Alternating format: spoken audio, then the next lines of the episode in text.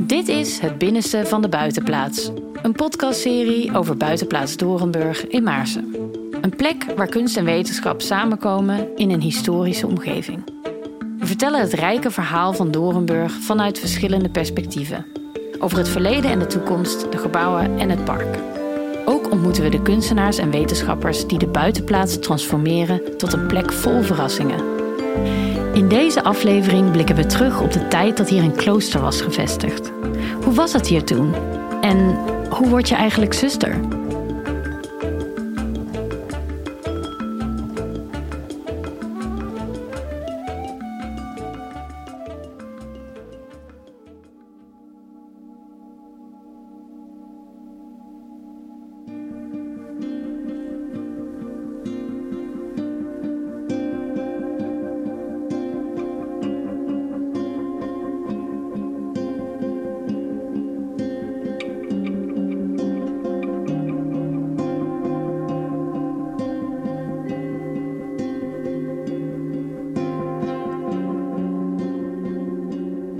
Zo'n 50 jaar lang was buitenplaats Dorenburg in gebruik als klooster. Van 1966 tot 2016 woonden hier de reguliere kanonekessen van het Heilige Graf. In de jaren 60 ging het om 30 zusters, maar in 2016 woonden er nog maar 7 vrouwen. Zij hebben in al die jaren een bijzondere stempel op deze plek gedrukt. Zo gaven ze opdracht tot de bouw van de priorij. Die stond toen bekend als Priorij Emmaus.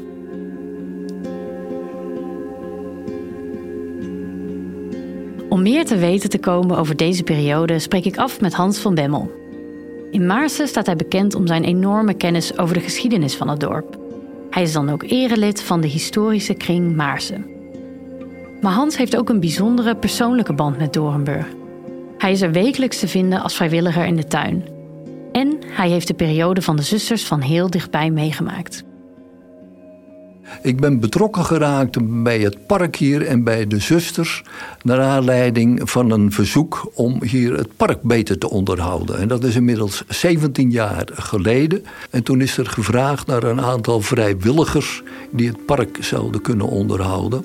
En dat heb ik min of meer kunnen regelen met gepensioneerde brandweerlieden die, die hier nu nog steeds werken. En ja, dat was een toptijd met de zusters ook. S morgens kregen we koffie. Om tien uur kregen we koffie met kandijkoek. En in de winterperiode kregen we uh, kloewijn. Dus het was eigenlijk uh, een geweldige tijd, ook met, met die zusters. De vrijwilligers en de zusters werkten nauw samen. En het contact tussen de twee groepen was goed.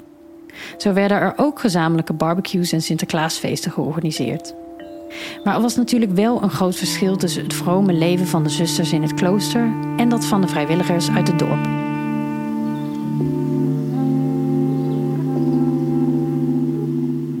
Uh, ik ben niet gelovig. En dan kom je hier en dan zie je al dat religieuze, hè, al die nonnen en, en een klooster. Toen heb ik aan zuster Margaret, die was zo'n priorin, van moet u luisteren, ik werk hier wel, maar ik heb niets met het geloof is het wel goed dat ik hier aan het werk ben? Toen keek ze me aan. Toen zegt ze, ben je een goed mens? Ik zei, ja, dat weet ik niet, moet een ander beoordelen. Toen zei ze, Hans, jij mag hier wel blijven werken.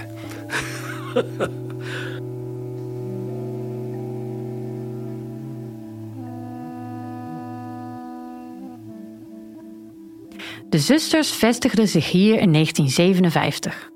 Toen bestond Dorenburg uit de Grote Tuin en een aantal historische gebouwen, waaronder het 18e-eeuwse hoofdhuis. In de beginjaren woonden de zusters met z'n dertigen in dat indrukwekkende gebouw. Dat was behoorlijk krap. Er werd daarom een ontwerp gemaakt voor een nieuw klooster dat hen meer ruimte zou bieden om te werken en om te wonen. Dat nieuwe gebouw werd Priorij Emmaus. En in 1966 was het zover. Het spiksplinternieuwe gebouw van architect Jan de Jong werd ingewijd door de kardinaal. Het was een groot verschil met het leven in het hoofdhuis. Het nieuwe gebouw had een eigen kerk en allerlei gemeenschappelijke ruimtes. En op de eerste etage vond je de persoonlijke slaap- en werkkamers van de zusters.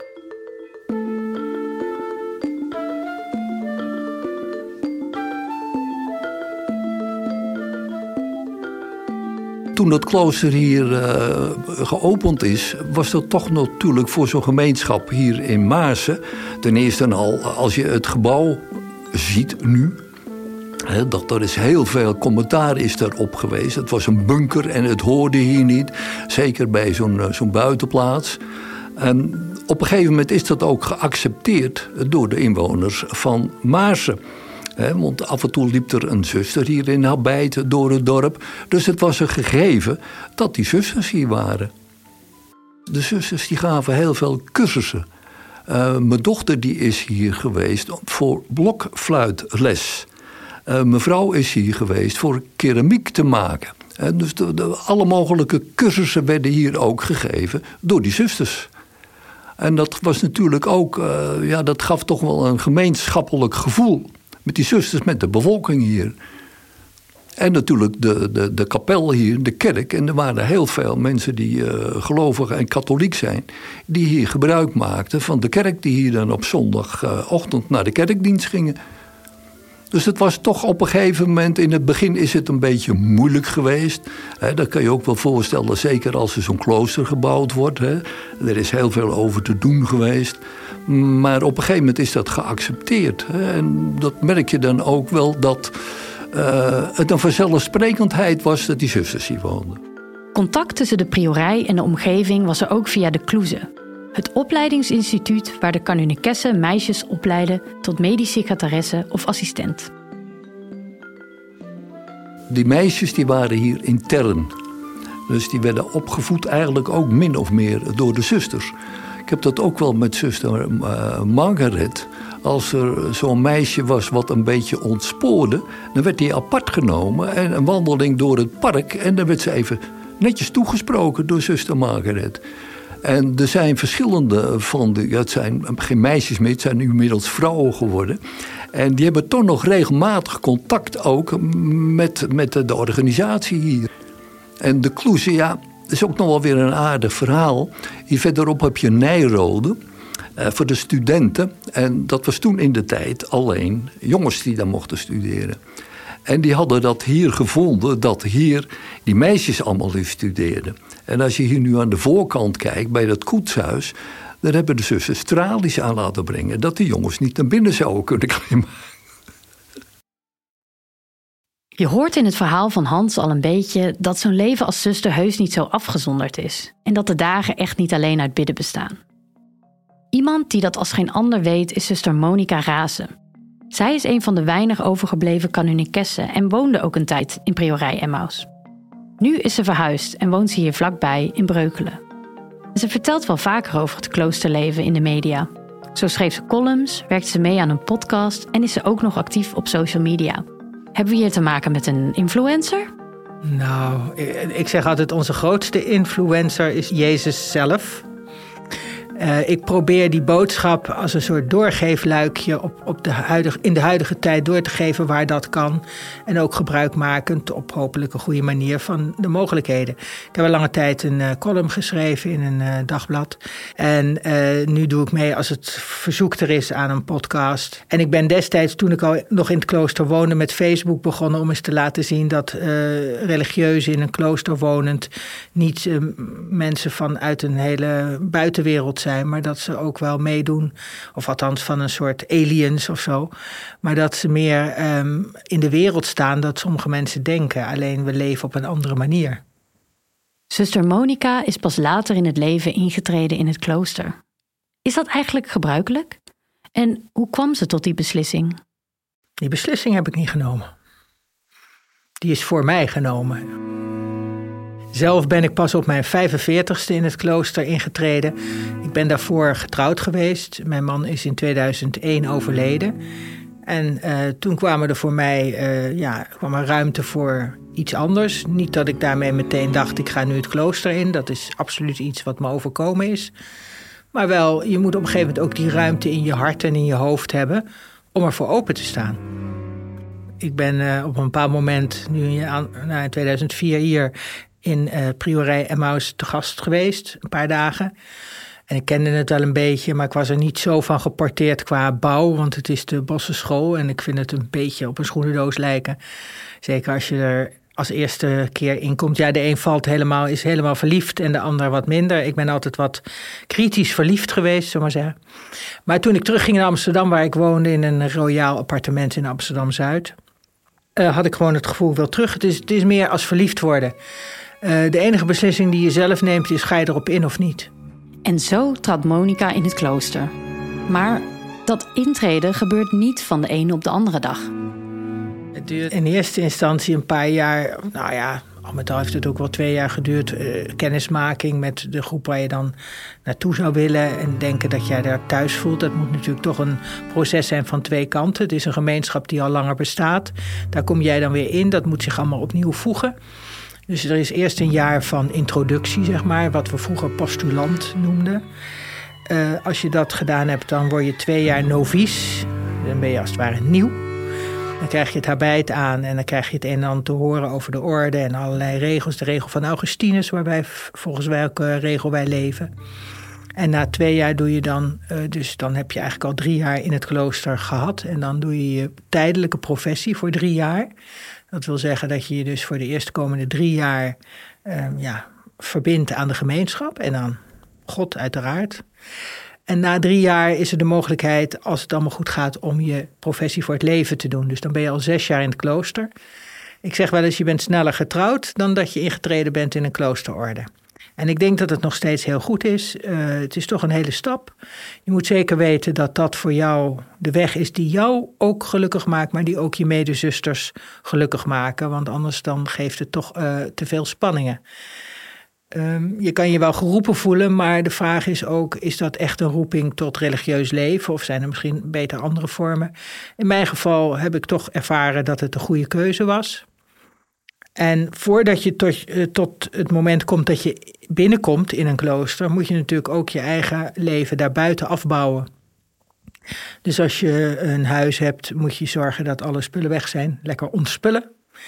Uh, je moet zorgen dat je banen uh, opgezegd worden. Je moet je auto van de aan de kant doen. Ik moest zelfs twee katten aan de kant doen. Dus het is best wel even een loslaten van veel zaken. Maar het heeft mij ook heel veel ruimte gegeven. Het voordeel van het loslaten van al dit soort materie is ook dat je meer ruimte krijgt voor waar het in mijn idee ook echt om gaat. wat doe je nou in je leven? Hoe sta je tegenover je naasten?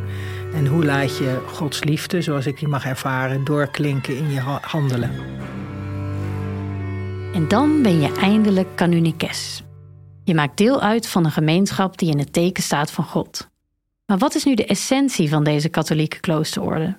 Monica legt het uit. De spiritualiteit van de canonicessen van het Heilige Graf komt voort uit hun ontstaan uh, vanuit de tijd van de kruistochten bij de Heilige Grafkerk in Jeruzalem. Het ging dus vooral om uh, dat heilige graf waar die leegte centraal staat. En vanuit die leegte, vanuit die doodsheid, de verrijzenis naar nieuw leven. Wij leven als kanunikessen vanuit het gevoel en de, ja, het geloof dat je toch elke keer weer, ook in het aardse leven, vanuit de doodsheid, vanuit de leegheid, weer op kan staan en weer kan komen tot nieuw en tot uh, goed en mooi leven.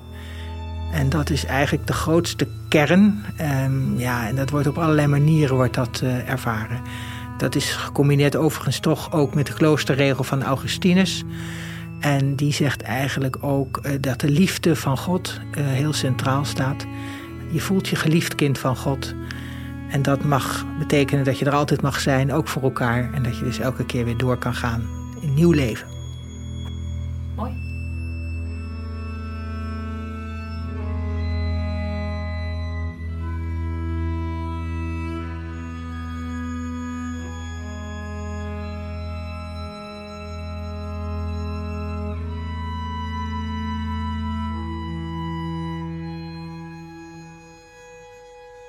Verrijzenis spiritualiteit, wat dan de kern is van onze orde, vertalen we naar op de eerste plaats uh, elkaar uh, waarderen, uh, mensen zien, mensen als gelijken zien, proberen de gelijkwaardigheid van elkaar te erkennen, ook al zijn we allemaal verschillend.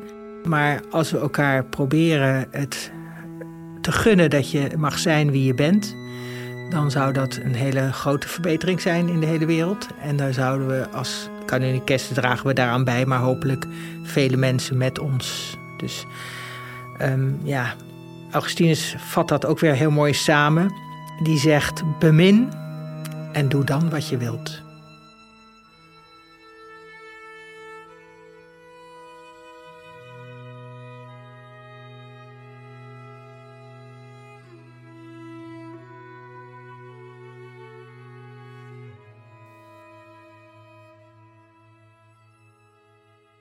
Ik ben heel benieuwd hoe het dagelijks leven in de priorij eruit zag. Dag en nacht woon, werk en leef je met elkaar. Monica heeft er heel veel leuke herinneringen aan. Ten tijde dat we hier in priorij Emmaus woonden, hadden we een uh, regelmaat. En die rust, reinheid en regelmaat is sowieso goed voor een mens. Uh, dus die vier keer per dag naar de kerk gaan en bidden en zingen, dat is de, ja, de ruggengraat van het kloosterleven. Daarnaast heb je je taken in huis, uh, gezamenlijke maaltijden, vaak in stilte. Omdat je als je in stilte bent, kun je natuurlijk beter concentreren op waar je mee bezig bent. En kun je ook meer naar jezelf toekomen. We worden vaak heel erg afgeleid door allerlei dingen om ons heen. Dat is in een klooster eh, ja, zeer afwezig of beperkt. Dus die stilte is belangrijk. Uh, het gezamenlijk met elkaar dingen aanpakken. En een gemeenschap heeft ook het voordeel dat je allemaal je eigen talenten hebt en met elkaar vul je elkaar aan. Dus zo ging de dag eigenlijk al vrij snel voorbij. Als je al vier keer per dag uh, een half uur in de kerk zit en bidt en zingt. En vervolgens samen eet. Ook vaak een half uur, drie kwartier. En dan je taken hebt. En het voordeel was, als je dat dan allemaal gedaan had, dan ben je ook weer vrij voor jezelf. Want dan mocht je naar je eigen cel of kamer, wat je het wilde noemen. En kon je weer iets voor jezelf gaan doen. Een beetje lezen, een beetje studeren. Of een wandeling houden. We mochten ook gewoon eruit, dus uh, geen probleem. Maar er waren ook wat uitdagingen. Het is een uitdaging. Je moet vooral jezelf uh, goed leren kennen. Want het enige wat je in een gemeenschap kunt veranderen is jezelf. Je kan je medezusters niet veranderen. Dus je moet omgaan, ook met die medezusters waar je het wat moeilijker mee hebt. Vaak refereren die aan iets wat je in je eigen leven soms misschien niet altijd even prettig vindt.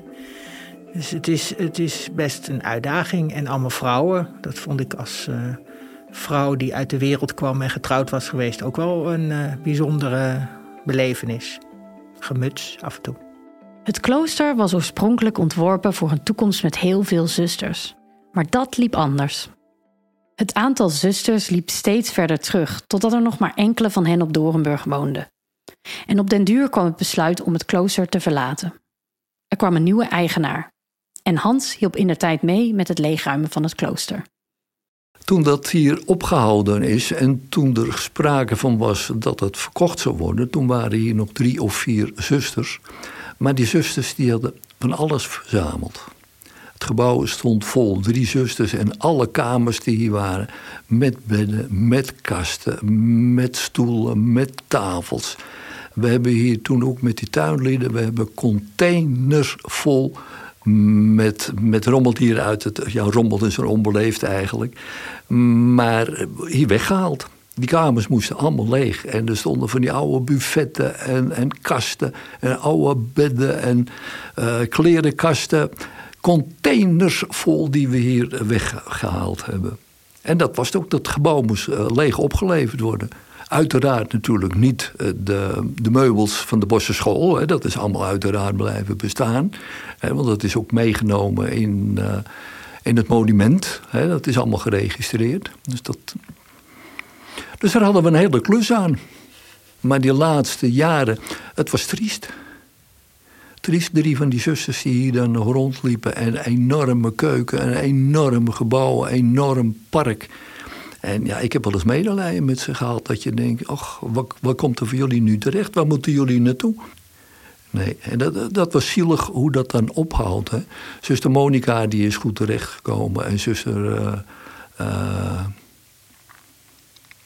Mirjam ook. Hè, die, die hebben de weg wel gevonden. Maar ja, hoeveel ik er ook niet meegemaakt heb die hier overleden zijn en die uh, begraven zijn hier. Uh, zelfs er is er nog eentje die is gecremeerd. Nou, dat had ik me helemaal niet voor kunnen stellen. Maar die begraafplaats, dat is natuurlijk ook een monument op zich. We hebben er net nog de hele ochtend gewerkt om het een beetje netjes te maken. Het past binnen een bredere trend. Sinds de jaren 60 is het aantal kloosters in Nederland sterk afgenomen.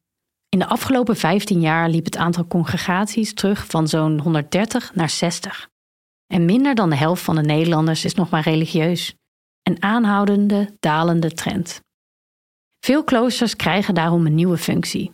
Als hotel, winkel, brouwerij of school.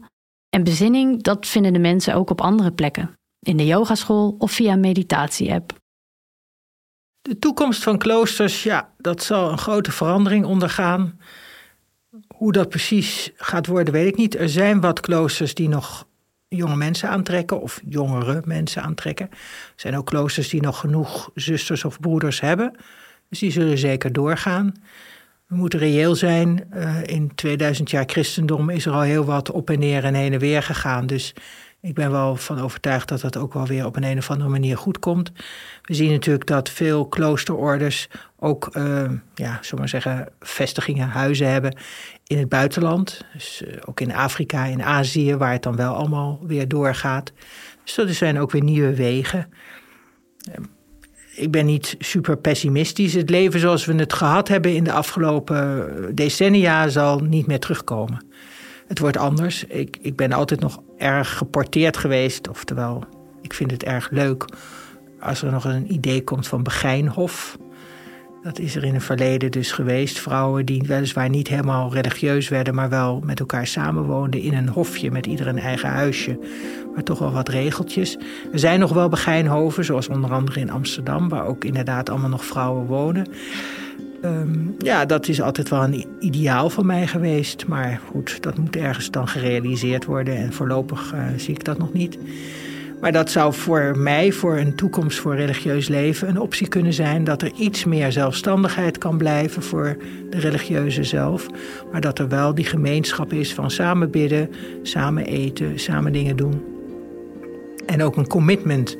Maar dat commitment, dat is soms zo moeilijk. En dat zien we natuurlijk ook al in uh, het dagelijks leven, uh, ook bij huwelijken, bij andere relaties. Het is, het is steeds moeilijk om voor je, de rest van je leven dat vol te houden. Op Dorenburg wonen nu geen zusters meer. Sommigen zijn verhuisd, net als Monica, maar anderen zijn overleden. Zij liggen begraven in de tuin van Dorenburg. Naast de vijver in het bos zie je de graven liggen. Er worden nog altijd bloemen opgelegd. Buitenplaats Doornburg betekent voor mij dat er uh, iets nieuws gebeurt met een oude plek die wij ooit hebben bewoond, waar wij ooit als kanunikessen ons goed hebben gevoeld, waar een klooster is gebouwd in de tijd dat zij daar woonden en uh, waar nu op een andere manier gebruik van gemaakt wordt. En dat vind ik prima. Het is natuurlijk jammer dat je er niet meer kan wonen met een heleboel zusters die dat leven wilden leven zoals dat van oorsprong was.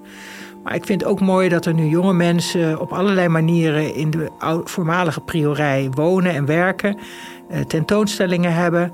Is nu ook weer een mooie tentoonstelling. Ik heb er al meerdere in de loop van de afgelopen jaren gezien.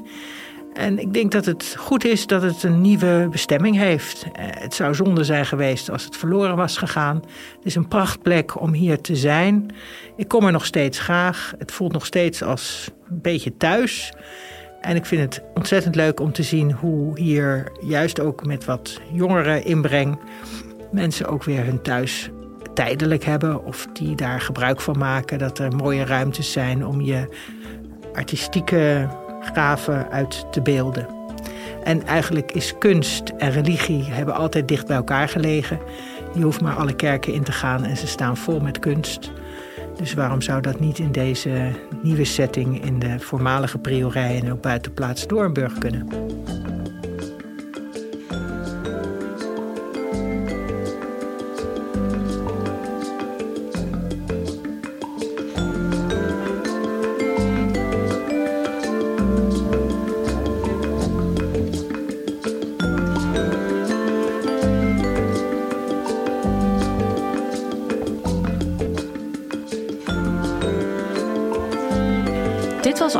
Aflevering 5 van Het Binnenste van de Buitenplaats. Een podcastserie over Buitenplaats Dorenburg in Maarsen.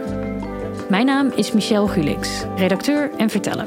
Vic Willems verzorgt de audioproductie. De soundtrack is gemaakt door muzikanten Felbum en Stef Veldhuis, die deze stukken schreven tijdens een residentie in de Priorij. Deze podcastserie wordt mede mogelijk gemaakt door Stimuleringsfonds Creatieve Industrie, Stichting Karel Ningeman Fonds, Provincie Utrecht en Cultuurfonds Stichte Vecht. Mocht je in de tussentijd de buitenplaats willen bezoeken, ga dan naar www.buitenplaatsdorenburg.nl voor meer informatie. Bedankt voor het luisteren en tot de volgende keer.